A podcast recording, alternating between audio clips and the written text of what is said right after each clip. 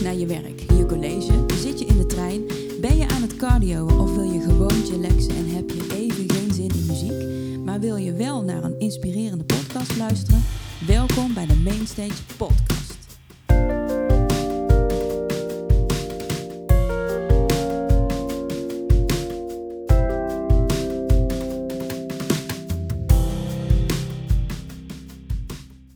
Hi, leuk dat je luistert en welkom bij deze eerste officiële Mainstage podcast.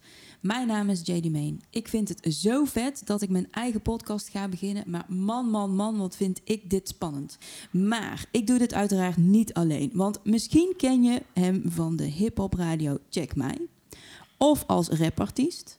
Hij is in ieder geval mijn co-host en al jaren een van mijn beste vrienden. Ik heb het namelijk over Rojairo, maar ik noem hem altijd Rood. Hallo, hallo, hallo. hallo, hallo, hallo is echt zo stom. Maar in ieder geval goedenavond of goedemiddag of wanneer je dit ook uh, luistert. Um, en ik kan me voorstellen, want we hebben het trouwens net ook over gehad van... hey joh, waarom noem ik jou eigenlijk meestal Rood en niet Rodi of Rojairo of whatever? En toen gingen we even terugspoelen. En toen kwamen we er dus achter dat um, dat zo is gekomen. Jij noemde mij altijd... Jade. Ja, en waarschijnlijk ben ik daardoor jou gewoon niet Rodi gaan noemen, maar Rood, omdat het een pianomerk is. Ja, ik denk dat het uh, twee kanten op is gegaan. Ik denk dat we het N wilden afkorten. En tegelijkertijd was het ook weer van, oh, maar dat is een pianomerk. Ja. Ja, en ja, ik, in ieder geval als artiest uh, hou ik wel echt van de sound van zo'n warme roods piano. Dus dat, dat klikte meteen. Ja, dus dat is inderdaad, volgens mij is het inderdaad zo gekomen dat we elkaar uh, zo gingen noemen. Terwijl het gek is, want onze namen, hoe we elkaar altijd noemen, bestaat sowieso uit twee lettergrepen. Ik bedoel, JD en Rodi. En toch ja. kiezen we voor een ander woord. ja, heel, heel moeilijk uh, is het eigenlijk niet, JD, Rodi. Maar je neigt toch altijd wel iets af te korten. Ja. Dat, dat, dat heb je altijd. Ik, ik weet niet waarom, maar... Ja, ik denk gewoon dat het wel iets is om, omdat het iets is wat je dan met elkaar meemaakt. Hè? Want we hebben daar komen we straks wel op terug. Maar we hebben uh, best wel een lange tijd muziek met elkaar gemaakt en mm-hmm. uh, teksten geschreven. En dan, um, ja, op een gegeven moment ga je dingen afkorten terwijl het niet afgekort wordt, is. Ik denk dat dat wel mens eigen is. Ik, ik denk dat in elke cultuur wel een, een, baby wordt geboren met een naam en een afkorting. Ja. Nog voordat hij uh, een brabbeltje heeft kunnen doen. Ik snap ook niet waarom je je kind Peter noemt en dan de hele week, hè, Peet, hè, hey, Peet, zegt. dus noem dan gewoon Peet, weet ja. je wel. Maar ja, ik, ik, denk dat dat gewoon wel een mens eigen eh, is. Dat je iets um, altijd wel apart wilt maken. Ja. Eigen wilt maken. Eigen wil maken, ja. ja. Goeie. Jeetje, daar hebben we nooit zo echt over geanalyseerd eigenlijk. Nee, maar ik denk dat er wel veel achter zit. Misschien komen we later nog even op terug. Ja, goed. Want, want hoe zit dat dan met uh, relaties? Wa waarom zit er altijd zo'n... Zo'n koosnaampje. Zo'n koosnaampje. En dan zit ook echt wel... Waar anderen gewoon echt van doodgaan. Ja. Maar dat jij gewoon dat met je liefje, dat super tof. Ja, je eigen naam is dan niet genoeg meer. Nee. Weet je wel? Dus, maar oké, okay, we zijn uh, okay, weer cir cirkeltje af. rond. Rood. ja. Goed, nou ja, we hebben natuurlijk al nu al wel wat meer even van ons laten horen, maar we gaan even wat concreter worden. Want ik snap best dat je denkt van, goh, ja, leuk en aardig, mainstage, podcast. Nou ja, naar wie ga ik dan luisteren? Ja, en dan dus ook echt iets wat ik me heb afgevraagd toen ik met het idee kwam om podcast te maken. Ik bedoel, waarom zouden mensen naar mij willen luisteren? En inmiddels is het ons geworden.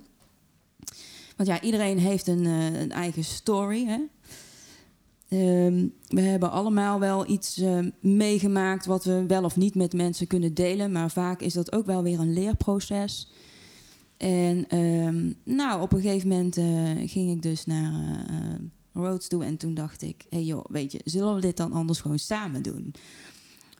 Los van dat wij ja, veel muziek hebben gemaakt en hebben geschreven... hebben we ook altijd wel goede gesprekken gehad, hè?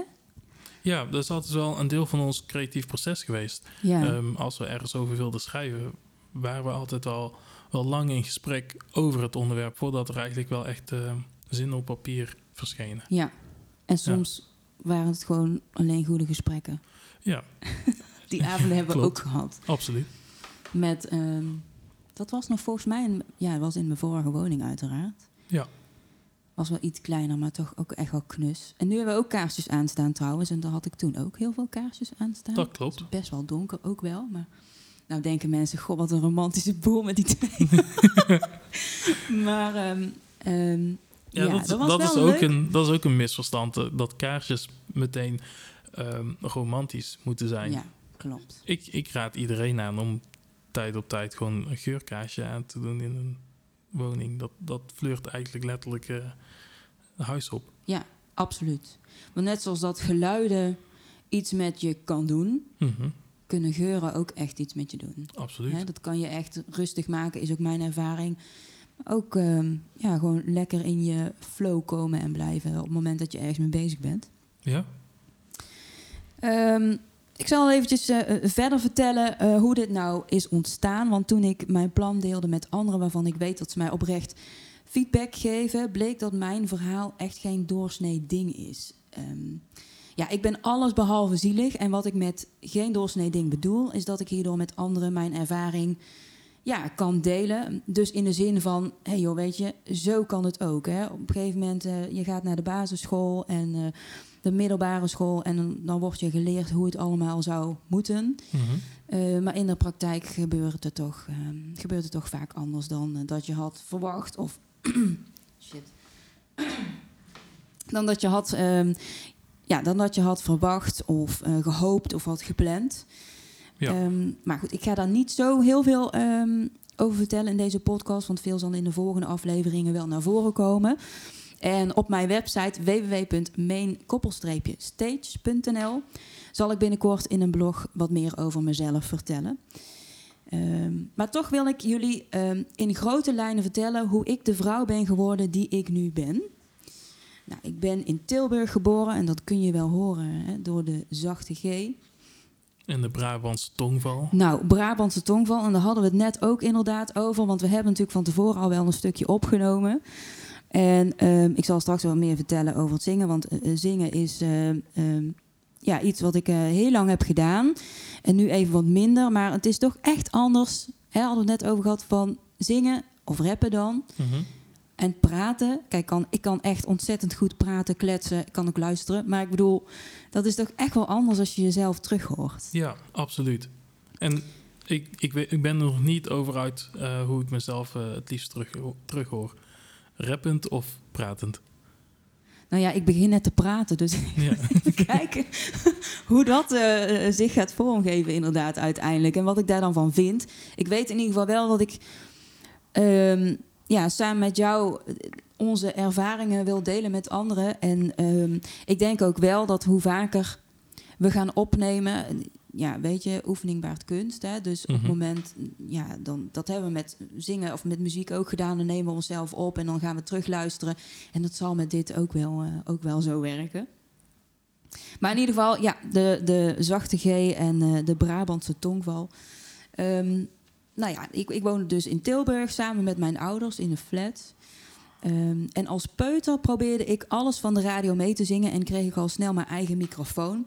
Ik heb ergens nog een foto van mezelf waarop ik in mijn pyjama in een rood stoeltje zit met mijn microfoon in mijn hand en een koptelefoon op. Ja, dat is echt hilarisch, maar misschien wel een leuk idee om dat eh, bij de blog eh, even te laten zien. Dus ik schaam er niet voor. Ik vind het hartstikke leuk om dat eh, terug te zien. Iedere keer als ik die foto zie, dan ja, vind ik dat gewoon zo grappig om te zien van... hé hey joh, toen vond je zingen gewoon al leuk. Ja. En, eh, Je, Het je rolde er al heel vroeg in. ja, ja, inderdaad. Nou ja, toen ik ehm, zes was, hoorde ik ook bij de kids met gescheiden ouders. Maar goed, net als iedereen ging ik naar de basisschool, waar ik net ook al over had. En in groep 8 ontdekte ik dat ik ook echt kon zingen. Ik weet nog dat ik op kamp ehm, Without You van Mariah Carey ehm, zong. Eh, wat, vind, wat vind jij van dat liedje? Heb je toen ook de hoge noten kunnen pakken? toen ja? wel. Maar toen had Zo. ik echt wel een andere stem. en een hele andere, of in ieder geval een, ja, een betere conditie. Maar dat kon ik toen, ehm, toen wel halen, ja. Daar hoefde ik echt geen foefjes voor te doen. Of iedereen zei gewoon, oh mooi, en het was Mhm. knettervals. Maar ik, ik denk het niet. Ja, ik, ik, kom, ik kom wel echt op, eh, uit de periode, in ieder geval mijn middelbare schooltijd, Ja. ehm, was hip-hop wel echt in de opkomst. Dus ehm, luisterde ik meer naar een naar DMX of... eh, sorry mensen, zelfs naar R. Kelly. Oh, Weet ja. je wel, de- Ja. de- dat- waren dan meer de, de zangers waar ik naar luisterde. Eh, Mariah Carey kwam wel eens langs, maar dat was meer tijdens kerst. Maar hoe oud was je toen dan, toen jij die muziek luisterde? Want ik kan me herinneren dat toen DMX en zo voor mij toen in-in Mhm. werd. Ik denk dat ik toen 15 of 16 was. Dus dan was jij. Ja, ik zat in de, in de eerste ongeveer. eh, ik ging net naar de middelbare school. Dus was ik 12 jaar. Is Ja. dat? Ben je 12 jaar? Ja. Oh ja, ja. Ja, tuurlijk ben je dan al met muziek bezig. Dat was ik ook. ja. maar dat is dan inderdaad, ja, oké. En, en dat raad ik niet per se eh, ouders aan om hun kinderen naar DMX te laten luisteren op zo'n leeftijd. Maar ehm, ja, dat heeft wel echt veel voor mij gedaan. En ja, Mariah Carey, als je, Ja, nee, dat Het, snap eh, ik dat als je je daar dan dan, vraagt van- ja, nee, het was echt een hele andere wereld, Mariah Carey. Dat was tijdens kerst en Ja, All I Want For Christmas Is You en zo. ja. En ik weet wel dat ze dus fenomenaal kan zingen. En de, vandaar dat ik ook vroeg van, hey, kan je, heb je ook alle noten noten, gepakt? ja. Maar nee. Maar als jij dan zegt van, goh, weet je, ik wil de ouders niet adviseren om je kinderen naar eh, DMX te luisteren. Ja, nee. Maar kom op, dus je deed het stiekem met je, wat had je toen? Oh, Discman ik, had, ik deed het absoluut stiekem. Oh. Nee, nee, nee. ik, eh, ik kom ook uit Tilburg, zodat jullie kun- eh, kunnen horen. En ik kom echt wel uit een gelovig gezin. Ehm Daar kennen we elkaar ook van trouwens. Ja, uit, er, komen, er zijn kerkkindjes. Ja, we, we zouden bijna koorkindjes kunnen zeggen, maar we hadden niet echt een koor. nee, dat klopt. We moesten wel iedere keer naar voren met al de kinderen. Dat vond Dus ik echt dan, heel ja, erg. dan waren we wel koorkinderen. ja. Ja. Ja, Maar goed, ik, ja. ik, kom, ik kom uit een gelovig gezin, eh, christelijk. En eh, met de opkomst van hip-hop, ja. Dat, dat, dat, dat mixte niet per se eh, heel erg goed. Eh, grove taal, ehm, Ja, geen pluspunten dus. ja, expliciete beelden in de clips. En ja, nee, dat was, dat was niet per se iets wat ik door het huis heen mocht pompen. Maar ik weet wel dat ik op een gegeven moment een Nokia eh, kreeg. ja? Ehm, was een Nokia N-Gage, heette dat. En dat was een toetsenbord verspreid aan twee zijkanten met een scherm in het midden. ja. En dat was een van de eerste Nokia's met eh, MP3-functie. En eh, ik, ik nam dus nummers op vanuit een hip-hop radio met een AUX-kabel. Zo mijn telefoon in, of gewoon met memo's. En dan kon ik gewoon via mijn muziekspeler kon ik, eh, allemaal Rough Riders eh, luisteren en eh Tupac en al die dingen. Ja, Oh. Met de koptelefoon op. Ja. Maar je moeder wist het ook echt niet. Je moeder wel, of, of je vader Ehm, niet. Ik denk dat mijn moeder wel eens een keer cd's heeft eh, gevonden in mijn slaapkamer. Want eh, dat was ook de tijd van de Discman. Echt grote Discmans, weet Ja. je wel.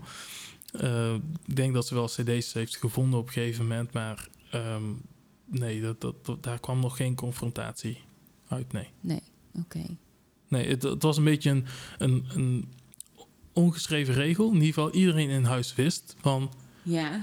Al, maar dat ging veel verder dan muziek, hè? Dat is ook gewoon film. Mhm. Eh, als er veel werd gescholden in de, in de Oh, film. ja, eh, ja. Eddie Murphy was toen echt de top. Ja. Maar ook hij had een paar stand-up eh, shows waarvan mijn ouders sowieso hadden van ja, we gaan niet de hele tijd naar de F-word en de N-word luisteren de hele avond. Dat, dat werd dan ook gewoon afgezet. Dus ja. Ja. Oké.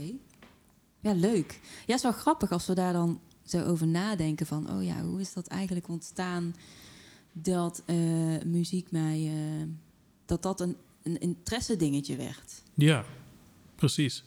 Ja. En voor mij is het vooral, ehm, vooral door rap ge- gekomen. Ja, Eh, ik kon niet zingen. Ik had heel graag willen zingen. Ik luisterde naar, zoals ik zei, R. Kelly, Usher, ehm Jodeci. oh Ehm, ja, Jodeci echt gewoon. Maar ook de, de classics, hè, de, de Al Greens, de, de, Ja, gewoon de old guys ook. Maar ik, ik, kon, eh, ik kon geen toon houden. En dat vond ik gewoon eh, jammer. Eigenlijk eh, zag dus toen zo- rappen. Ja, toen kwam rap op en ik dacht van... hé, hey, hier hoef je niet voor te zingen. en ja, toen zag ik ook alleen maar oudere jongens rappen.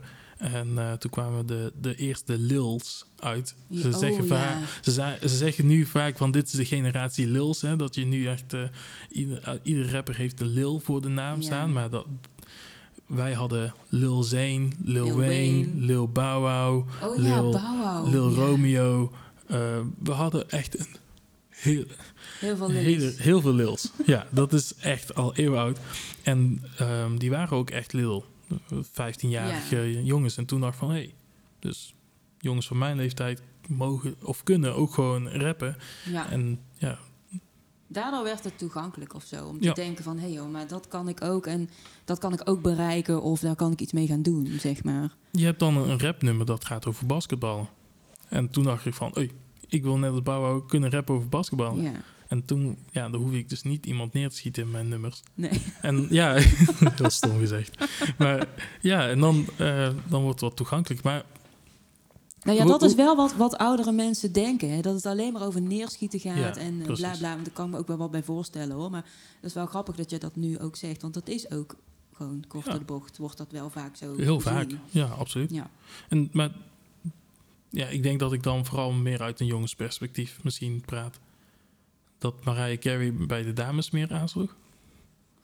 ja, kan ik me wel wat bij voorstellen. Alhoewel, op dat moment toen het in was, dus toen ik dat nummer zong, ehm, vond iedereen in mijn klas dat wel een mooie nummer. Dus wat, dat was natuurlijk ook de reden waarom ik dat nummer ging zingen. Want als Mhm. niemand het leuk vindt, dan ja, is het niet interessant genoeg als je 12 bent en iets op de bonte avond wil gaan voordoen, Mm, zeg maar. bonte avond. Ja, ja. Maar het, daar zat wel een, een gezonde dosis girl power achter. Moet je heel eerlijk zijn. ja, absoluut. Was je ook een Spice Girls dame? Nee, ja, ik vond het wel leuk, maar ik was, ja, dat, daar was ik net iets te oud voor of zo. Weet je wel, mijn nichtje bijvoorbeeld, die is, ehm, even kijken, die is een jaar ouder dan mijn broertje, dus die is ehm, negen jaar jonger dan ik. Die had toen ook echt, eh, ja, weet ik veel, een pen of een potlood Mhm. en een pennendoosje en een broodrommel van de Spice Girls. Dus dat, daar was ik dan, dat was dan weer net, maar ik vond hun muziek wel heel erg leuk. Maar niet dat ik het op repeat zette of zo. Nou ja, ik, ik vraag dat zo omdat er toch best wel veel achter zit. Want dames hè, in, in een ontwikkeling, in zo'n leeftijd, dan wil je gezien worden, wil je sterk staan. Jongens zijn best wel dominant met macho gedrag, haakjesgedrag, stoer doen. Dus dan, als er dan zo'n stoere meidengroep opkomt, eh, dan kan ik wel voorstellen dat je daar dan bij schaart. Net als bij de jongens, je wil stoer doen. Ja, Hip-hop is definitie van stoer. Dus dan, dan, dan volg je dat of zo. ja. Ja. En ja, voor mij was het gewoon wel heel belangrijk ehm, om mijn identiteit daarin te vinden. En dan heb ik dat dan wel stiekem gedaan met koptelefoons. Maar ik denk dat muziek daar best wel veel in doet voor mensen. Ja, ja.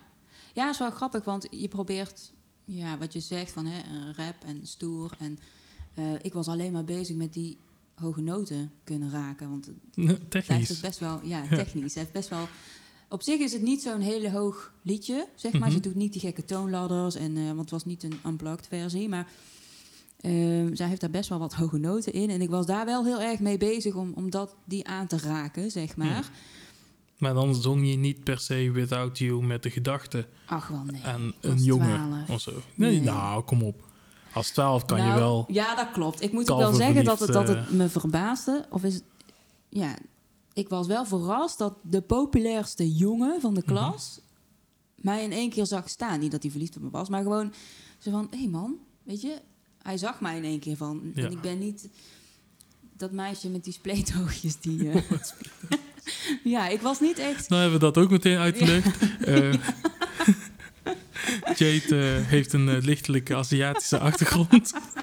Ja, dat is trouwens wel iets inderdaad waar ik nog niet aan gedacht heb om dat over mezelf te vertellen. Maar ja, dat, is, dat zegt ook heel veel over hoe, wie ik ben. Ja, ja hoe, hoe, hoe, hoe ging dat dan eh, bij jou in de klas? Eh, had, had je ook echt een populaire groep? Ja, tuurlijk. Ik denk dat je dat overal hebt. En ik denk dat ik wel mag zeggen, en als klasgenoten, oude klasgenoot dit horen, die denken daar misschien anders over. Maar ik denk dat ik wel mag zeggen dat ik ehm, ja, later op de basisschool, ik denk vanaf eh, mijn, mijn, mijn acht jaar of zo, dat ik niet eh, bij de kneusjes of zo hoorde, maar ook echt niet bij de popiopies. Dus ik Hmm. zat er zo middenin en ik mocht best wel regelmatig ehm, op verjaardagsfeestjes komen. Dus dat zegt dan ook wel iets als je zo Ja. eh, jong bent.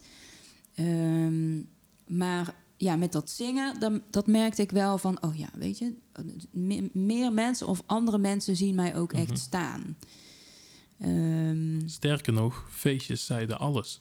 ja, Tot de dag van vandaag zegt feestjes. De Ja. uitnodiging zegt echt alles over je relatiestatus ja, in ja, vriendschap of niet. precies, precies. Dat is echt nog steeds heel belangrijk op dit moment. Ja, ja, Ik ben dan zo'n ongevoelige sukkel die dan... eh, eh, oh ja, trouwens, tussendoor. We moeten echt stoppen met die tussendoor dingetjes. Maar ik, eh, ik ben ook vader van een driejarige. Ehm, Ja. Ik heb een zoontje van drie. En eh, met, de, met de baby shower, of in ieder geval, ja... Ik, ik was blij dat hij was geboren, maar ik, ik stond niet per se... Dat was niet de baby shower. Is dat een baby shower nadat hij is geboren? nee, dat is een... Ehm, baby... Heb jij een, eh, een, een, hoe heet zoiets, ja? Hoe heet zoiets? Ja, zo'n. Kraamvisite. Ja, maar had je echt zo'n feestje gegeven Nee. dan? Nee, toch? Nee.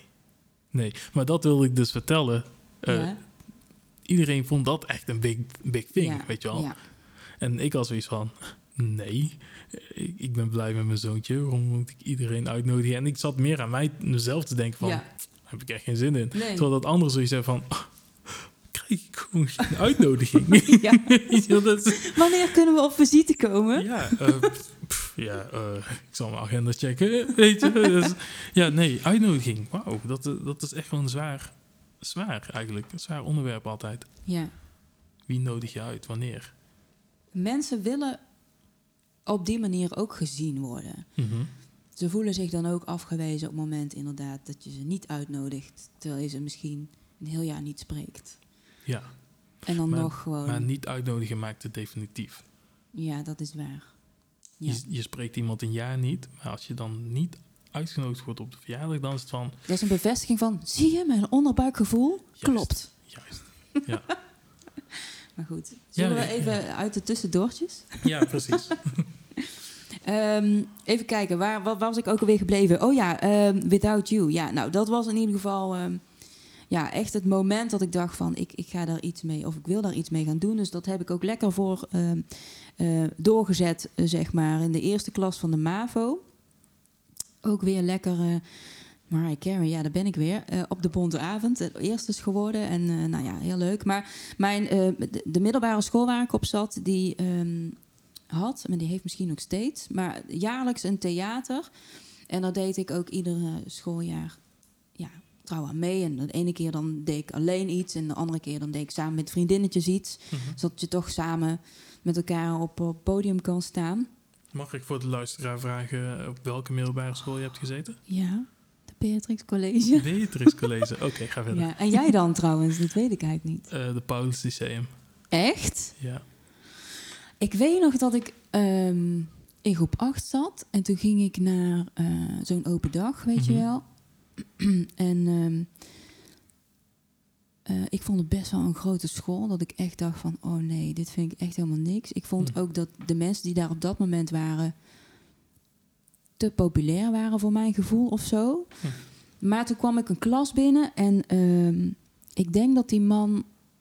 Ja, ik weet het niet. Ik denk dat die man Antilliaans eh, is.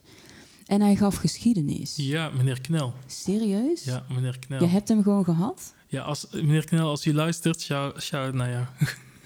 Ja, echt. Want dat herinner ik me dus wel. Want ik vond hem zo'n leuke man. Hij was zo enthousiast over zijn vak. Mhm. En geschiedenis, echt serieus. Dat vind ik echt verschrikkelijk. Sorry meneer Van Voorst, maar u gaf het echt superleuk. Ja. Maar eh, ja, weet je... ehm, en ik kwam binnen in dat zo te grote school. En ik had al meteen zoiets van, dit gaat hem niet worden. Maar ja, van mijn moeder moet ik meerdere opties gaan bekijken. Nou ja, Mhm. dus wij daar. En toen kwam ik in zijn klas binnen. En ik ben hem nooit vergeten. Nee. Maar hij heet dus meneer Knel. Ja, Wauw. Dus Ja. meneer Knel, als je dit inderdaad hoort. hij is geweldig. Sowieso ehm, een, een Antilliaanse leraar Ja. hè, van een predominant Nederlands leer, eh, lerarencollectief. Ja, Had je dus één eh Antilliaanse leraar ertussen zitten en die gaf dan geschiedenis. ja, Of all things. ja, Weet precies. je wel? En hij, weet, hij weet van zijn staf. Geloof Ja. mij, hij kon alles eh, zo vertellen. En wat meer, zelfs meer wat er dan in de boeken stond.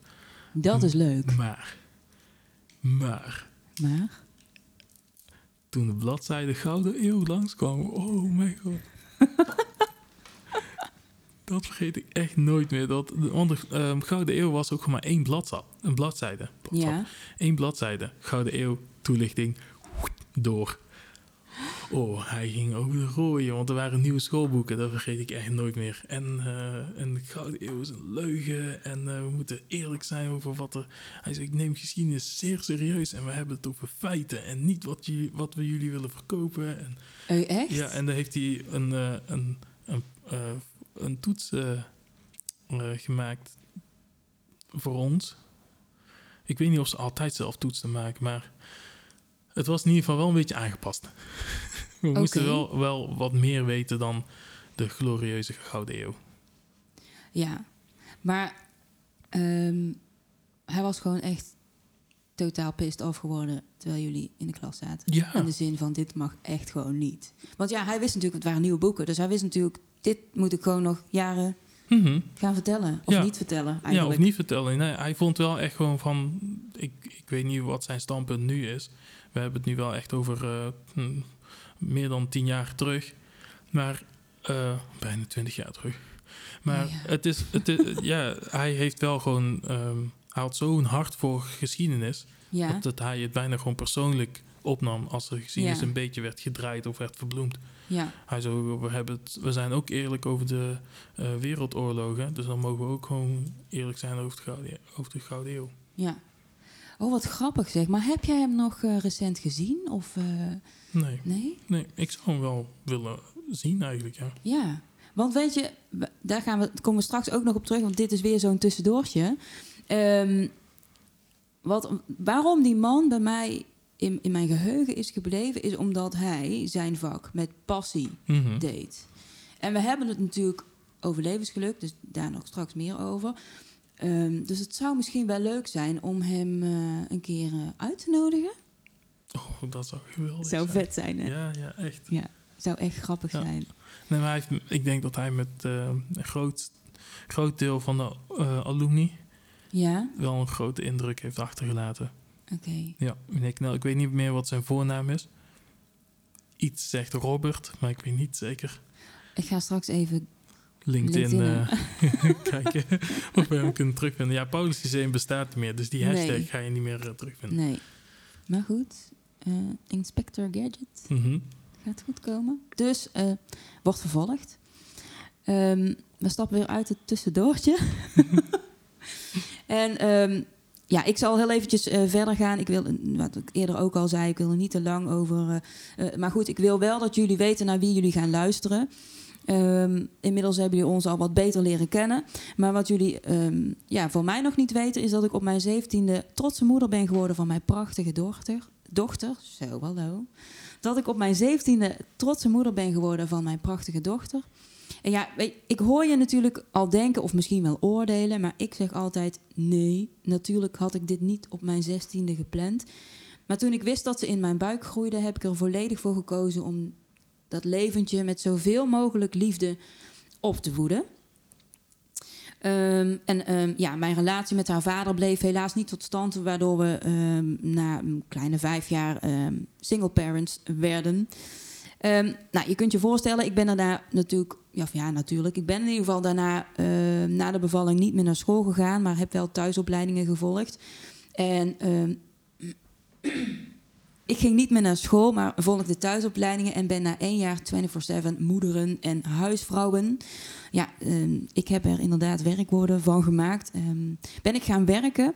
En in mijn werkervaring zat vanaf het begin een stijgende lijn, waardoor ik kennis maakte met lieve mensen, goede mentoren en regelmatig zelfreflectie deed om te onderzoeken ehm, eh, welke doelen ik wilde gaan stellen voor aankomend jaar of de aankomende tijd. Eh, en ging bedenken hoe ik die ging bereiken. Wat, heb ik daarvoor nodig? Nou, we hadden net al heel even eh, over zingen gehad. En dat is altijd mijn passie gebleven. Ehm, en vanaf 2005 ben ik gaan zingen in diverse co- coverbands.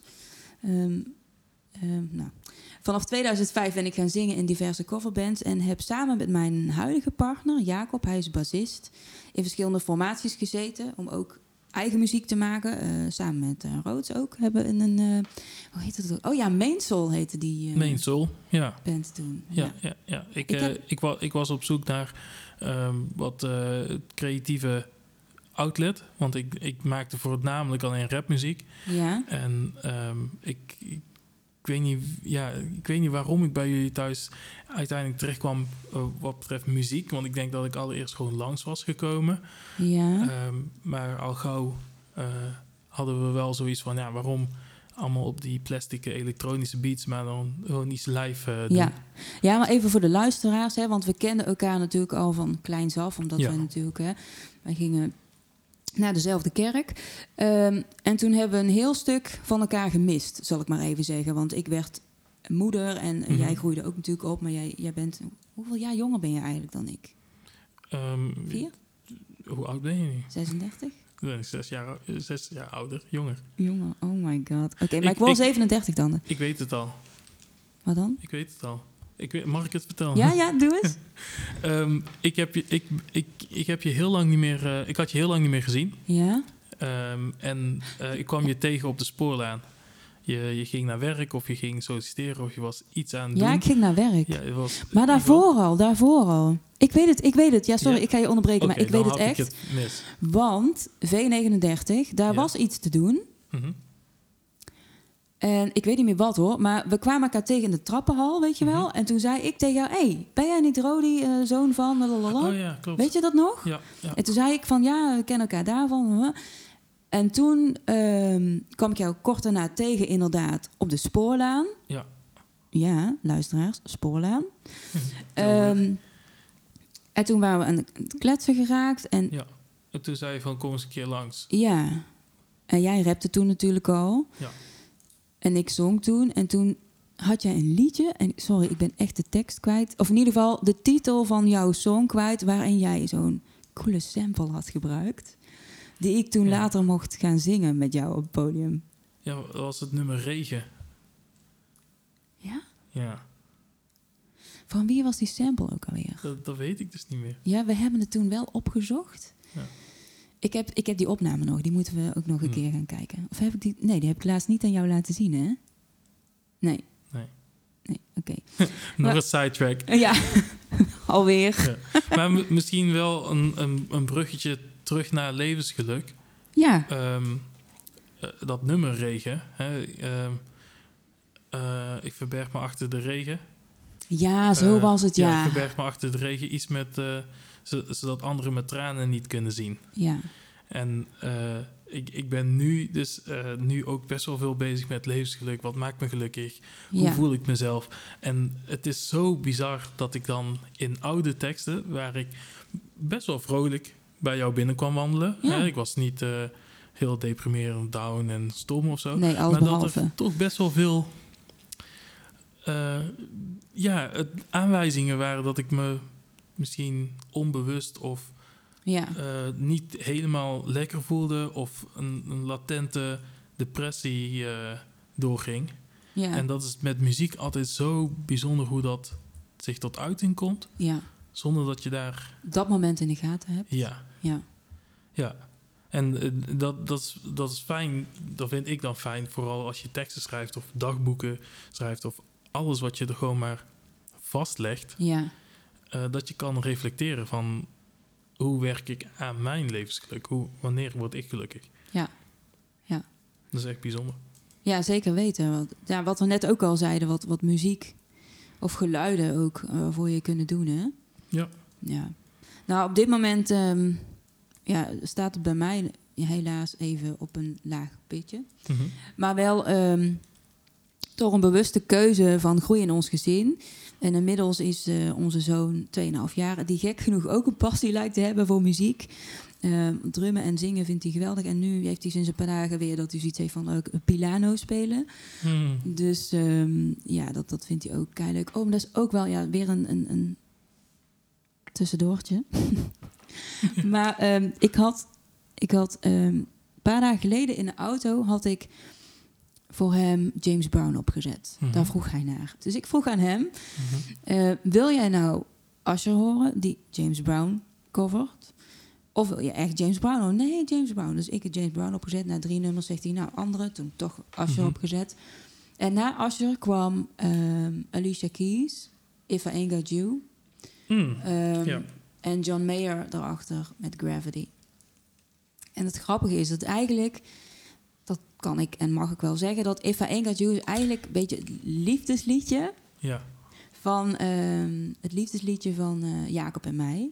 Oké. Dat is eigenlijk een beetje zo in het begin ging dat zo Mhm. zingen. En, ehm, maar goed, toevallig kwam dat liedje dan achter Asher aan. En toen zei, zei, eh, zei hij van, eh, wie is dat? En toen zei ik, nou, dat is Alicia Keys met Eva Ain't Got You. Oh, oh, nou, twee dagen later vroeg hij naar de piano. En eh, nou, Jacob pakte de piano en eh, hij zegt dan, mama, ehm, hoe heet dat liedje met die meneer, met die meneer? Mm. En ik zat te denken met die meneer, ja, eh, met die meneer, ehm, die gitaar. En toen dacht ik al, oh ja, hij bedoelt dat liedje. Dus hij zegt van, ja, een Jew. Welke? Een Jew. En you. Oh, if I ain't got you. Ja. ja, die bedoel ik. Ja, die opzetten, papa. Dus nou, Jacob dat opgezet. Nou, en hij natuurlijk met die keyboard natuurlijk aan. Mhm. Nou, helemaal uit de plaat. Maar ehm, ja, dat is echt zo grappig om, om dat ook te zien dat... is wel een goede oefening voor een beginnende toetsenist. Absoluut. Want die misten we nog, hè? Ja, dat is echt... eh, Ja, ja, we misten altijd een toetsenist. ja. Dat is echt... eh, Heb je gewoon even snel eentje gemaakt. Je dacht van, eh, we gaan ja. niet meer zoeken. Ja, precies. Weet je? Moet hij daar ook met die oude knakkers op het podium gaan staan? Oh, Zielig. sneu. maar goed. Maar wat, wat dat, is, dat is dan... Want hij is, eh, een kind is dan in die zin eh, best wel blanco in muziekvoorkeur. En zeer puur in wat hij wel leuk vindt of niet. Ja, Dan is het ook bijzonder dat, dat hij eh, de Asher of de Alicia Keys wat, ehm, wat eerder... Dat eerder bij hem binnenkomt of registreert dan een oudere James Brown. ja. Ja, ja het, het leuke ook nog is, is dat we het niet... Ja, we, we zetten natuurlijk op wat wij zelf leuk vinden, tuurlijk. Eh, maar we leren hem niet van, oh, dit moet je doen of ehm, ehm, zo moet je dansen, want dans vindt hij dus ook leuk. Ehm, hij kopieert het gewoon op zijn manier. Mhm. En er was ook, er is een liedje van Bruno Mars, ik weet even niet hoe die heet, maar hij houdt wel van live-opnames, dus clips vindt hij minder interessant. Mhm. Ehm, zodat hij ook weet wat hij met die microfoon moet doen, wat hij dus ook heeft. Ehm, maar Bruno Mars heeft een liedje en daar komt een stukje salsa in voor. Dus hij begon ehm, te dansen Mhm. en echt zo, zo onderzoekend van, wat doet die gast nou? Dus Ja. ik zei van, ja, met je heupen, met je heupen. En toen ging het eigenlijk een beetje mis, want dan ga je mee bemoeien en dan denkt hij, wat, wat moet ik doen? Ja, precies. Dat ging echt niet. En toen zei Jacob nog van, ja, eigenlijk moet je dat niet doen. Maar het is natuurlijk dat is het eerste wat je dan wil doen. Ja. Maar eigenlijk moet je het gewoon laten. Ehm, maar het is niet zo dat we, ehm, ja, je weet toch, die, de, die Amerikaanse Mhm. Ja, documentaires of zo, weet je wel, dat ze die kindjes dan helemaal. eh, Oef, nee, ja. dat, eh, dat doen we, doen we niet. Dat, ja, we laten echt wel zijn gang gaan. En toevallig vindt hij iets leuk wat wij ook heel leuk vinden. Dus eh, wij genieten iedere avond van gratis optreden. Ja, dat is, dat, dat is heel erg leuk. Dat is, was leuk. Maar zullen we het even wat breder trekken? Ja. Leer je sneller als je, als je er zelf achter moet komen? Ik denk het wel. Of niet? Ja, ik, ik, ik, weet... ik, ik vraag het me af, omdat we dus net even over meneer Knel hadden. Geschiedenis ga je niet uit jezelf leren per se. nee, dat is dat misschien klopt. een slecht voorbeeld. Maar Je kunt het sturen. ja, maar is, is school dan een, aan het sturen? Leren we dan zelf eigenlijk? Dat, dat vraag ik me dan wel eens af. Ja, ik vind school sowieso dat ze aan het sturen zijn. Want Mhm. zij... Ik, ik heb een keer een presentatie gehad. Ehm, en toen zei hij... Ja, eh, als je geboren bent, ben je dan perfect? Ben je dan puur? Ik was de enige die zei ja. Mhm. Gelukkig was dat een goed antwoord. Maar waar hij ja, naartoe wilde was van... op het moment dat je naar school gaat... Mhm. Leer je wat je allemaal niet moet doen. Dus wordt je alles afgeleerd wat je uit jezelf allemaal hebt. Ja. Hè? Dus niet rennen, stilzitten. eh, eh, Mhm. En oh, ik vind school echt goed, hè. Maar eh, hoe meer ik aan nadenken ben over levensgeluk en wat je dan nodig hebt. En wat is levensgeluk? Is levensgeluk dat je op je tienen kunt zeggen dat je dokter wil worden? Of ehm, is het ook knap als je zegt van maakt me niet uit als ik maar gelukkig ben? Ik, denk ik denk dat levensgeluk te maken heeft met je... ehm, letterlijk wat er ook in het woord zit, geluk. Gelukkig zijn. Ja, Daar wordt waarschijnlijk ook van ehm, afgeleid.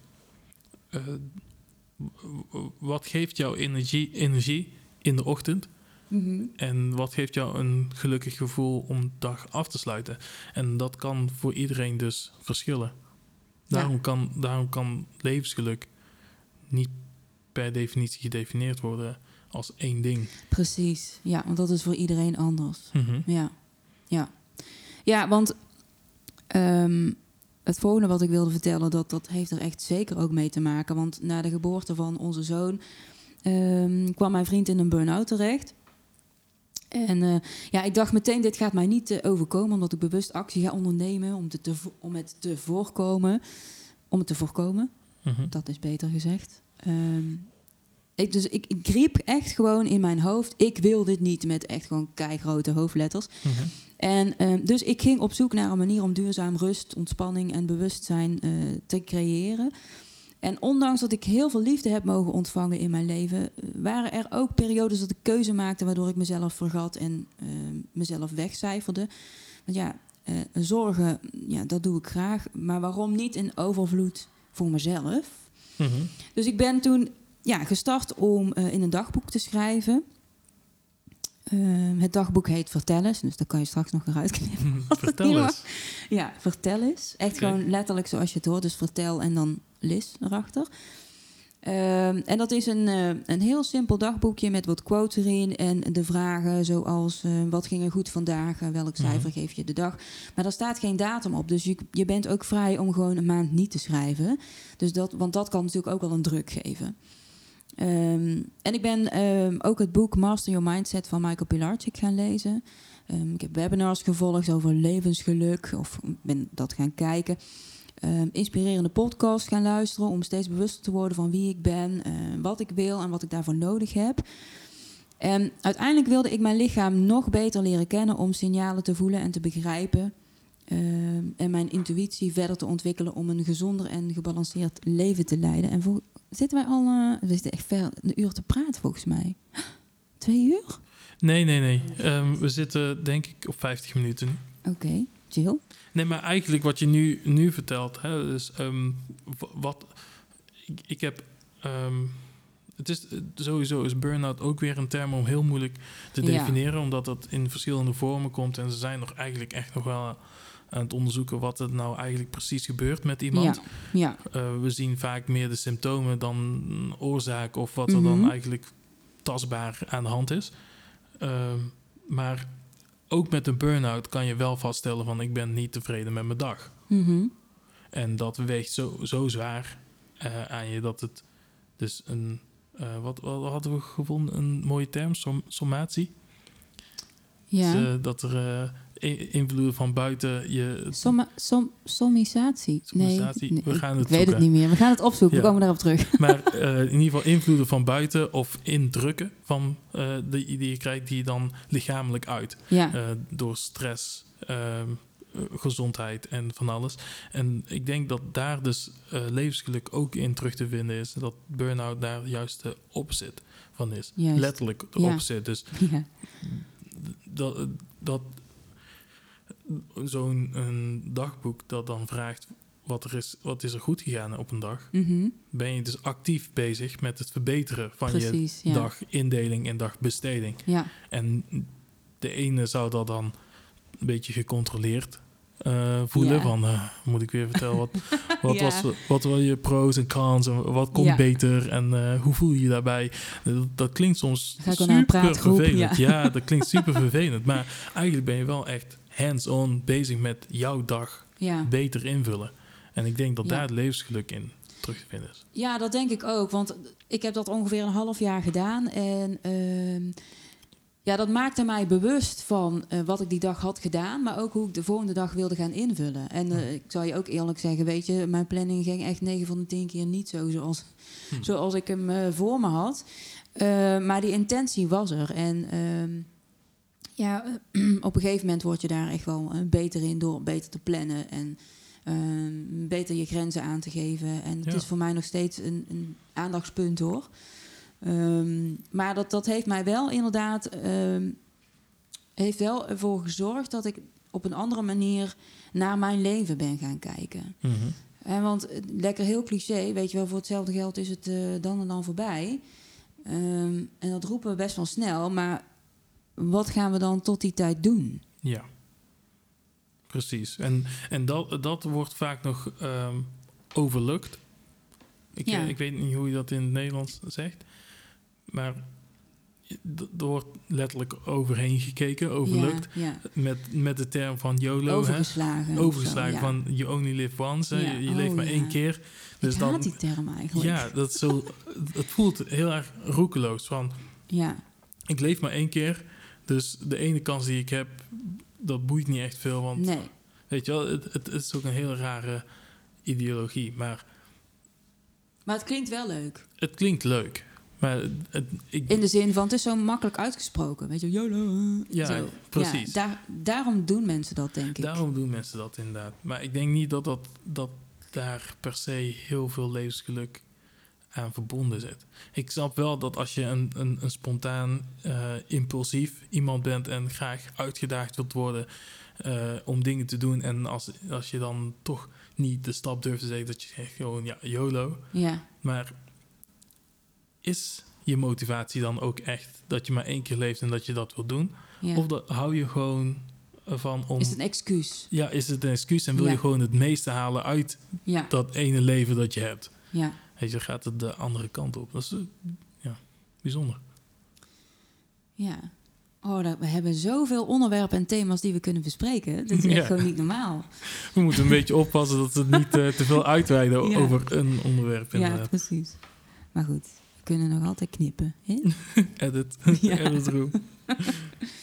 Nou ja, wat ik, wat ik dus net ook al zei, dat ik, ja, ik, ik wilde op een gegeven moment mijn lichaam nog beter leren kennen om signalen te voelen en te begrijpen. Maar ook mijn intuïtie verder te ontwikkelen om een gezonder en vooral gebalanceerd leven te leiden. Want ja, hoe doe je dat? Nou, hè, dat, hè, die vraag heb ik echt al een paar keer in mijn leven gehad. En zo oud ben ik nog niet, hè, zoals ik net al zei, 36. Maar ja, er zijn toch echt wel wat ehm, dingen gebeurd waardoor, je op een gegeven moment bent, nou, waardoor ik op een gegeven moment ben gaan spiegelen van, ja, wat is nu voor mij de oplossing? Of wat gaat me verder helpen? En op dit moment was mijn antwoord yoga. Of is mijn antwoord yoga. Ehm, ik had eerder hier en daar lessen gevolgd, maar ik was nu wel echt klaar voor de verdieping van mijn volgende leerreis. En dat klinkt heel zweverig misschien, maar goed, ik kan het even niet anders zeggen. Ehm, en ehm, nou, ik, ja, ik heb dus een, eh, een eh, yoga-docentopleiding gevonden. En ik heb, dat begint altijd in eh, januari. Ehm, dus je kunt niet later in het jaar instromen of zo. Maar ja, goed, ik kwam natuurlijk na januari achter dat die opleiding eh, er was. Dus ik heb toen gebeld en eh, ik heb echt gewoon letterlijk gezegd van... nou, weet je, ik heb op jullie site gekeken naar die, naar die yoga-docentopleiding. En ik vroeg me af wat de voorwaarden zijn om hiervoor aan, hiervoor aan te melden. En nou, die dame die zei van, joh, wat bedoel je daarmee? Nou, en, en soms hou ik toch best wel van zelfspot. Dus ik zeg zo van, eh, nou, ik weeg 80 kilo. Ik heb niet met regelmaat yoga gedaan. Ben niet lenig, maar ook echt zo heel snel zo achter elkaar. Oh ja, en ik durf niet eh, op mijn kop te staan. En die dame aan de telefoon, die, ja, die kwam eigenlijk niet meer bij van het lachen. En eh, zij antwoordde heel vriendelijk dat je in principe alleen affiniteit met yoga moet hebben. Wat natuurlijk vrij logisch is. Ehm, maar het deed zelfs een dame van achter in de 50 mee, omdat ze meer zelfvertrouwen wilde hebben. En niet omdat ze per se yogadocent, eh, yogadocent wilde worden. Dus ik ben op een gegeven moment naar de open dag gegaan, heb me ingeschreven. Ehm, en ehm, ja, dat was eigenlijk ook een reden waar, ja, waarom ik dacht van... ja, joh, weet je, ik ben echt een leek wat dat betreft. En ik ben op zoek naar, eh, naar eh, een balans en rust. En eh, ja, lekker cliché, maar goed, dat heb ik wel echt nodig... om prettig door mijn leven te gaan. Ehm, en ik kan je vertellen dat, dat ik echt al wel dingen heb meegemaakt of heb mogen ervaren van simpel spierpijn tot en met bewustwording van een, een, een actie die ik normaal gesproken wel zou doen, maar waarbij ik nu nadenk van oké, wat is mijn belang hierbij over de rug van iemand anders? Weet je wel, het, het Mhm. roddelen of ja, je kunt wel zeggen dat doe ik nooit, maar ja, de ene Dat- roddel dat is groter dan de ander, maar iedereen doet dat. Iedereen roddelt. Weet je, Maar en dat, dat is gezond. ja, dat hoort er ook bij. Maar Ja. ja, ik ben nu wel meer gaan denken van... oké, wat, wat eh, ga ik hiermee doen? En wat, wat is mijn belang daarbij? En heb ik dan echt werkelijk niks te vertellen... om het dan over iemand anders te hebben? Dus ehm, ja, dat zijn er wel dingen die ik... ehm, ja, nu al wel zoiets heb van... hé hey joh, daar ben ik wel bewuster van geworden. En ja, die opleiding is net eh, een halve maandje bezig. Dus ehm, ik verwacht gewoon heel veel positieve veranderingen de aankomende Want, tijd. want, want waar ben je op uitgekomen met, eh met tot betrekking tot het roddelen? En dan even breder getrokken, niet alleen kwaad spreken over een ander, maar gewoon spreken over een ander waar ja. diegene zelf niet bij is. Eh, wat heeft yoga daarvoor inzichten in gegeven? Nou, niet zo van, eh, weet je, yoga is geen religie. Dus dat is ook wel een dingetje. Mhm, ehm, want hè, we zijn natuurlijk gelovig opgevoed. mhm.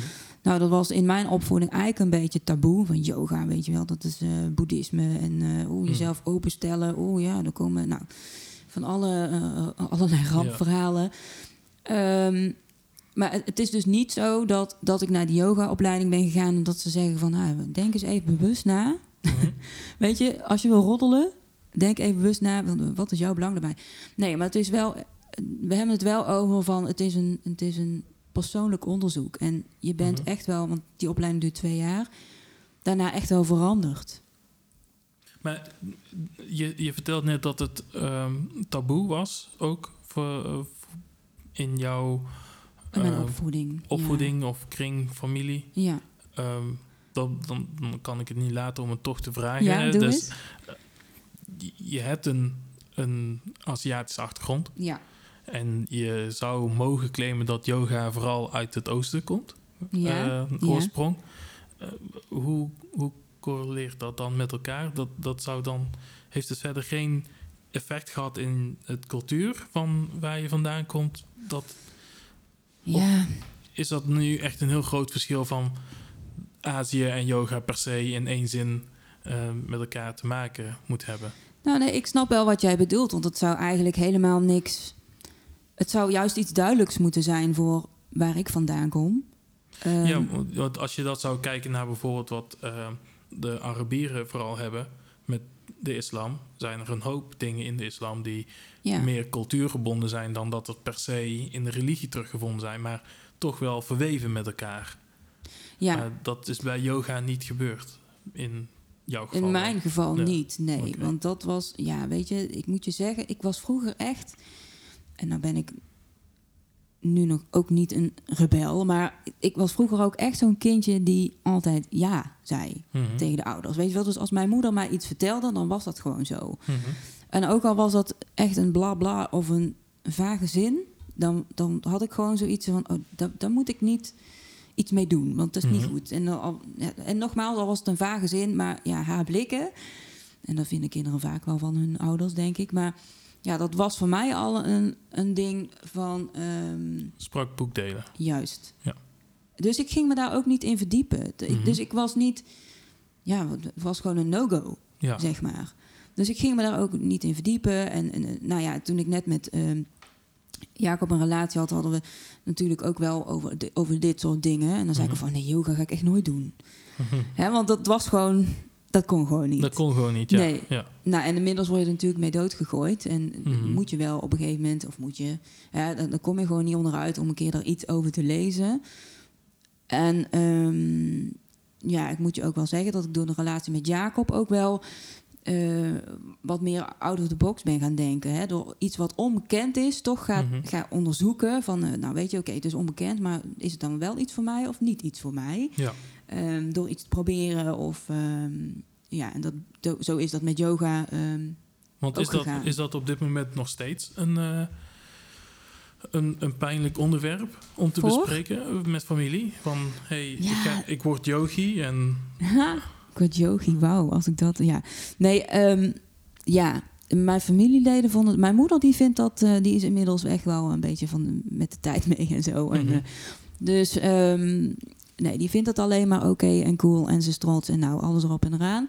Eh, maar ik merk wel dat een, een paar familieleden wel zoiets hebben van, oh yoga, nee. Ja.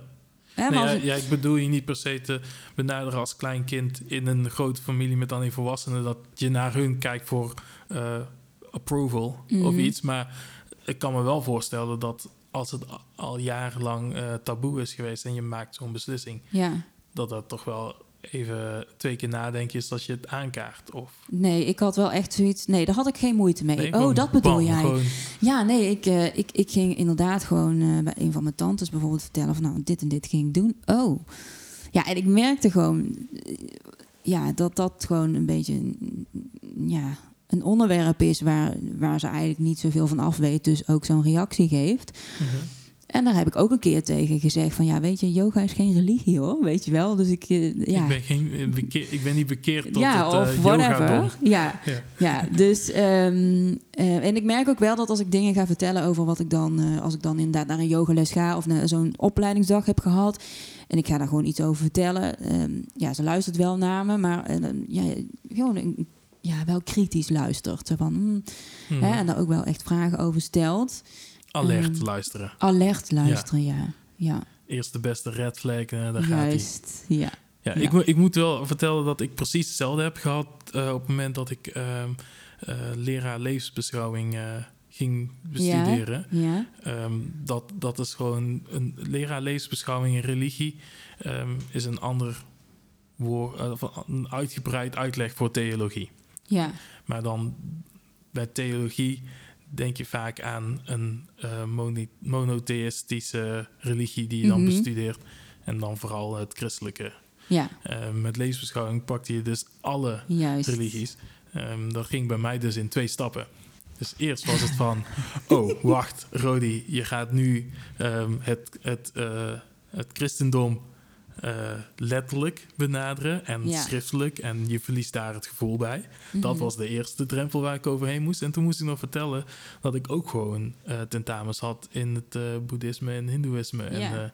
van alles. En toen was het wel van, ja, maar als je daar te veel in verdiept, raak je jezelf dan niet daarin ja, kwijt? Of ja, precies dat. zoek, je een, zoek je een verwarring op? Of weet je wel? Een. Dat, dat- dat- nee, maar mijn ouders zijn wel altijd gewoon heel erg supportive geweest voordat ik die opleiding volgde. Maar we waren ook alert aan het luisteren Ja. als ik uitlegde wat, wat we dan eigenlijk allemaal deden, weet je ja, wel. ja, En dan, dan is vooral het probleem bij mij geweest dat op het moment dat je dus over eh, het islam of over het hindoeïsme moet hebben of eh elk andere religiestroming Mhm. of levensbeschouwing, hè, dat, dat vonden we dan fijner om op de opleiding gewoon te benoemen, dat het gewoon levensbeschouwingen zijn en Ja. niet religies. Nee, Ehm, dat je dus ook daadwerkelijk ehm, die god of goden erkent Mhm. als deity van, ja, die geloven in. ja. En dat bevestig je dan als doende, Mhm. zodoende. Dus eh, dat, dat was dan altijd wel een dingetje dat, dat andere eh, gelijkgelovigen, hoe noem je dat? Dus andere mede-christenen, Ja, ja. wel, eh, wel twee keer naar mij keken van, "Hmm, wat ben je eigenlijk aan het doen? Weet je wel? jongen, wa- wa- raakt het ja, kwijt. je, je moet, je moet, dit is het boek waar je op moet focussen hè, en niet alle tien, weet je? Ik heb nog wel een ander boek voor je. Ja, je precies. Dus nee. Ja. Nee, maar de- vandaar ook de vraag van. eh, want ik, ik kom uit een Caribische Ja, achtergrond en ehm, nou, in de Caribische cultuur is eigenlijk nauw verwor- verworven met eh, de slavenverleden. Ehm, dat, dat hoor je in traditioneel muziek terug. Van ehm, materiaal dat ze gebruiken om muziek te maken. Dat zijn gewoon gereedschappen eigenlijk, wat je in het veld gebruikt. En daar maken ze dan ja, muziek mee. Tot eh trommelcirkels. ja. Eh, vooral echt heel veel Afrikaanse invloeden. Eh, maar ik moet je heel eerlijk zeggen, als je naar een, ehm, een Antilliaanse kerk gaat, dan hoor je ook gewoon het, het, het chanten, Mhm. ehm, het naroepen. eh, dat Afrikaanse element zit erin. ja, De- sterker nog, ehm, je, je komt midden in een salsa-feestje terecht in de Antilliaanse kerk, omdat dat die Spaanse en Portugese invloed van Curaçao of van de Antillen, ehm, dat, dat is gewoon in de kerk ook nauw verweven of zo. Het is bijna zo'n zo'n typisch Amerikaanse kerk. Dat ze allemaal met het... eh, Als je in de films dan ziet. Ja, eh, maar ook ja. dat, de- daar zit ook heel veel blues en soul in. En ook nauw verweven met het verleden. En vandaar dat ik dus afvroeg van... ja, hoe zit dat dan met ehm, het een Aziatische achtergrond? Omdat je daar dan een heel andere eh, benadering hebt naar yoga en... van alles, van hoe, hoe ze daar karma zien, hoe ze daar Ja. reïncarnatie zien. En dat dat dus dan niet per se overbloedt Nee. nee. naar... eh, Dat is echt los van elkaar. Tenminste, in Ja. mijn opvoeding is dat echt eh, los van elkaar geweest. Ja, nu ik daar zo, ja, als ik daar zo over nadenk. Heeft, heeft, een, heeft een levensbeschouwing een grote rol in, een, eh, in het levensgeluk? Ja, dat is grappig wat je, dat je dat zegt. Want ehm, ik denk. En ik zeg echt niet dat God niet bestaat hoor. Maar ik denk wel dat als je ergens hoop in hebt Mhm. en gelooft, dus ook je focus ophoudt, of Mhm. hebt, of hoe zeg je dat? Daarop focust. Mhm. Ehm, dat het goede wel gebeurt. Of hetgene waar je op focust wel gebeurt. Ik denk, ik denk dat het daarvan afhangt. En of je dan bij wijze van ehm, eh, mediteert of ehm, eh, spreekt eh, tot het universum eh, of ehm, bidt naar God. Mhm. Ik denk dat het wel allemaal met focus te maken heeft. Ja, daarom vraag ik het ook, want ik zit erover Ja. na te denken dat. Wat, wat maken dan even een grapje, hè? bekeerd tot het yoga dom Ja. of wat dan ook. En als je dan. ehm, ja, nee, dan gaan we echt veel te diep. Maar eh, is, le is levensgeluk eh, statisch of dynamisch? Dus kan het zich aanpassen in verschillende levensbeschouwingen? Ja. En heb je dan per se een, een, een, een transcendente, ik heb even geen ander woord, een bovennatuurlijke ja. eh, overtuiging nodig om gelukkig te zijn? Nou, ik denk Of dat, dat, dat mensen dat van oudsher over- wel gewend zijn. Ja, Ik denk dat mensen niet gewend zijn om vanuit, vanuit hun eigen krachten, en dat bedoel ik niet hekserijachtig of zo, maar gewoon Mhm. dat ze vanuit hun eigen krachten ook heel veel kunnen bereiken. ja. Nee, ja da- daarom vraag ik het ook van, gaat het dan om, de, eh, om eh, God wel of niet? Hè? Ja, Eh, of gaat het om een focus op iets hebben? ja ik denk, ik vind het wel lastig om dat te beantwoorden, omdat dat voor iedereen eh, anders is. Maar Mhm. ik ben inmiddels er wel in gaan geloven dat als je ergens je focus op hebt, dat je daar gewoon heel veel mee kunt bereiken, realiseren, hoe je het wil noemen.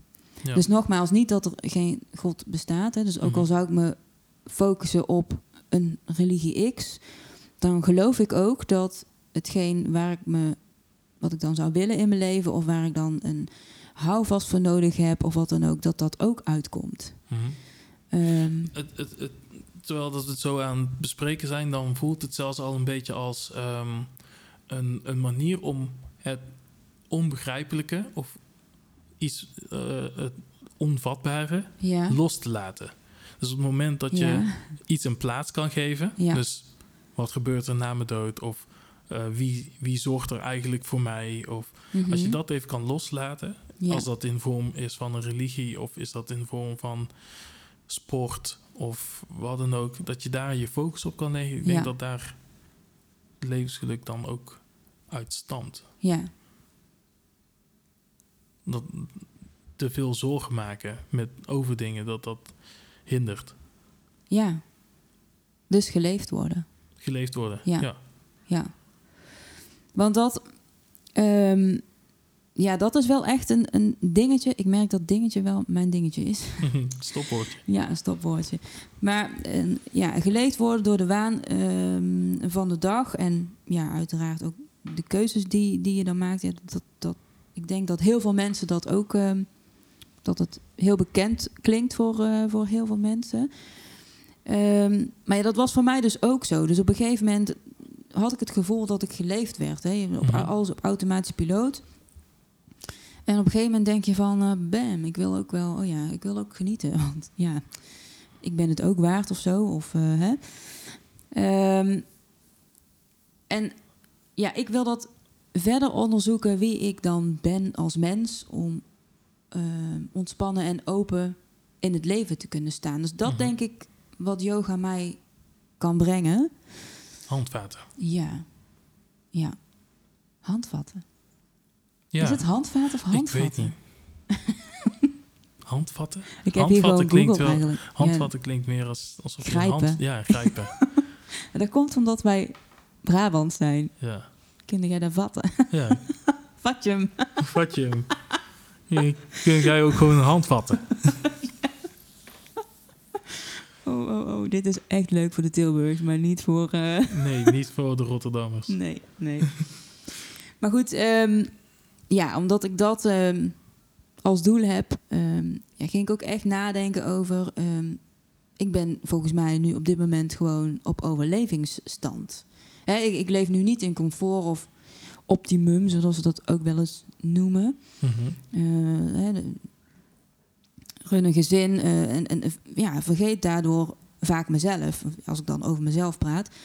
Ehm, en, en daar gaan dan ook de volgende podcast ook over. Ehm, omdat ik, ik wil gewoon meer leven, ik wil meer genieten, vaker in balans zijn. Eh, want altijd in balans zijn, dat bestaat niet, de- denk ik. Ehm, ontspannen leven en positieve energie opnemen en ook zenden. Dus, dus vandaar ook eh, podcasting, dat ik, dat ik daarop ben gekomen om, dat, eh, om het op deze manier te delen met andere mensen.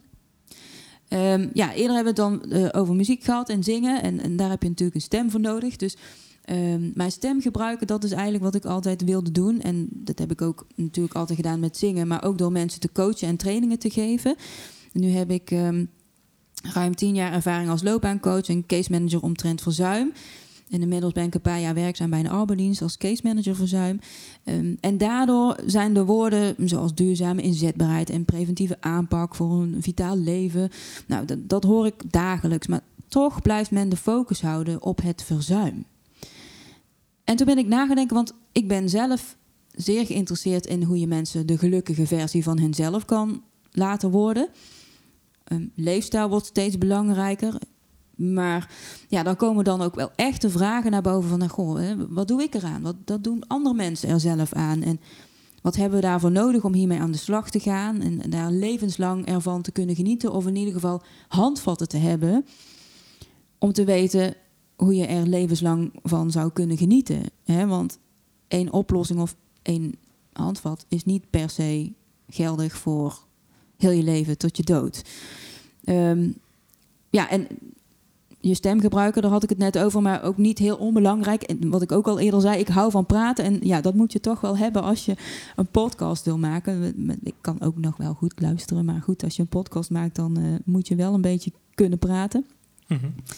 Um, maar dan is het voor jullie luisteraars ook wel heel erg belangrijk om te weten wat je nou van de Mainstage podcast mag verwachten. Nou, Ro Rood en ik willen jou inspireren om bewust na te denken over levensgeluk. We hebben er net al eventjes over, uh, over gesproken. Het zal wel, ja, nogmaals zweverig klinken, maar hier zijn gewoon, ben ik van mening, geen andere woorden voor. Dus ja, for real, wat betekent levensgeluk nu voor jou? En heb je hier überhaupt wel eens over nagedacht? Zo ja, waar sta je nu? Hoe houd jij jouw focus en wat heb je hiervoor nodig om niet af te wijken van jouw doelen? Doelen stellen mag natuurlijk altijd, maar jij bent de enige die weet wat je wilt. Of weet je juist niet wat je wilt? En wat belemmert jou dan hierin? Uh, Michael Pilarczyk had ik ook al eerder uh, genoemd. Hij is echt een van mijn voorbeelden. Maar hij zegt ook wel eens: welk verhaal ga jij schrijven als jij de auteur bent van jouw bestseller? En ja, Mainstage zegt het ook al: pak je eigen podium. Ga er niet naast staan. Blijf geen toeschouwer. Geen harde werker achter de coulissen. Nee, op het podium. Zet jezelf centraal in jouw leven, want het is nou eenmaal jouw leven. Jij bent verantwoordelijk voor jouw leven. Maar wat doe jij dan met jouw skills? Draag je het over aan anderen?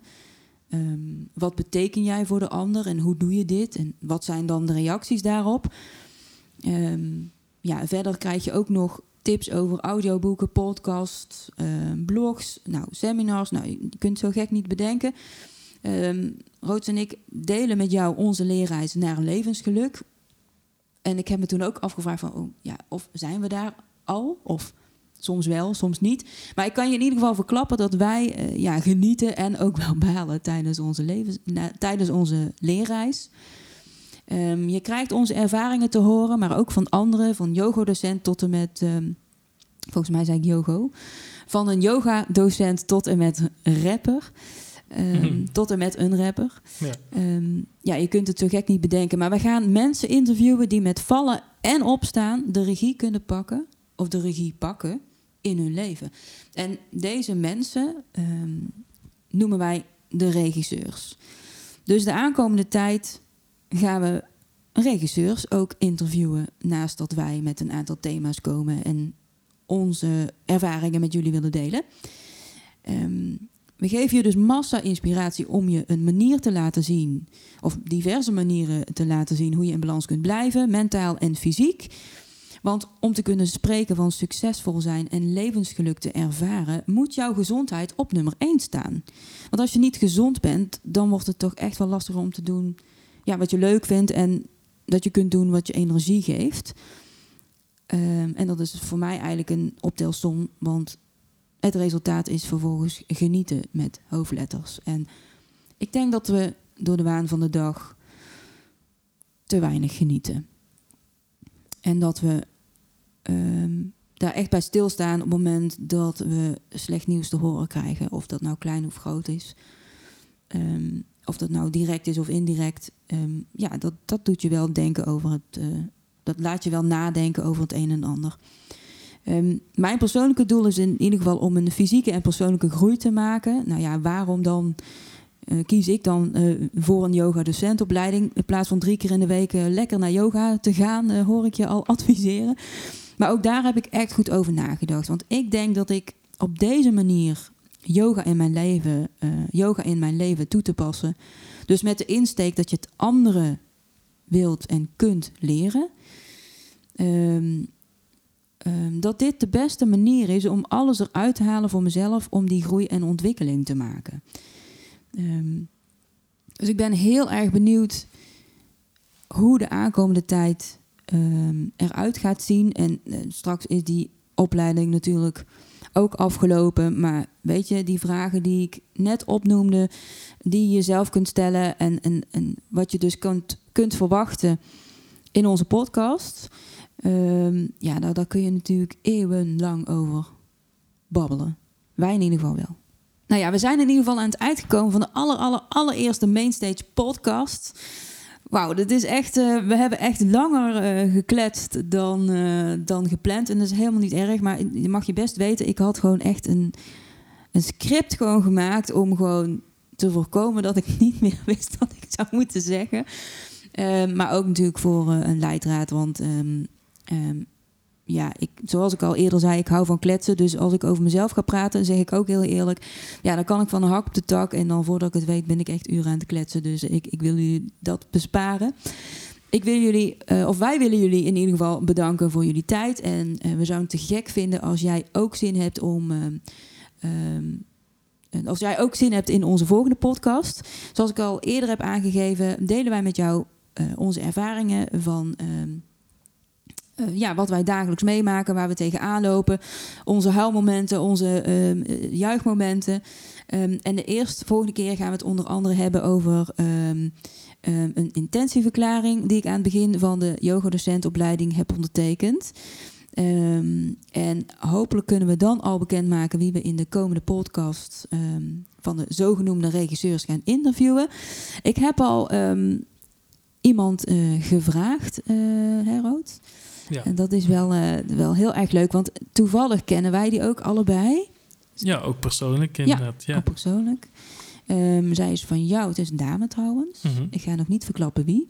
Maar um, zij is jouw oud-collega. Oud-collega, ja. En zij is ook oud-collega van mijn vriend. Mm -hmm. Want jullie hebben ook weer samengewerkt met elkaar. Oh, ja, want ook Jacob is een oud-collega van mij. ja, precies. um, en ja, ik heb uh, een paar jaar geleden met haar contact gelegd. Um, omdat zij voor zichzelf is gaan beginnen. En ja, dat leek me gewoon super leuk om haar ook te interviewen. Want zij heeft natuurlijk ook heel veel um, dingen mogen meemaken. En daar bedoel ik niet per se iets ernstigs mee. Maar ehm, ja, zij, is natuurlijk, ze heeft natuurlijk ook een aantal events in haar leven meegemaakt. En Ehm, ik heb haar gevraagd om, uh, of zij het goed vindt als we haar een keer willen gaan interviewen voor de podcast. En uh, daar reageerde ze heel erg positief op. Dus uh, binnenkort hier veel meer over. Um, nou ja, mijn boodschap voor deze podcast is in ieder geval: ga voor eigenaarschap en word de regisseur van jouw mooiste leven. Wat vind jij van deze eerste Mainstage podcast? Heb je tips wat je graag in de podcast wilt terughoren of iets anders te melden? Ben je familielid, vriend, vriendin, collega of ken ik je nog niet of kent Rood je nog niet? Um, en ben je via via hier terechtgekomen? Laat dan even een comment achter. Let op, doe het met respect en liefde, want alleen liefde werkt. Thanks.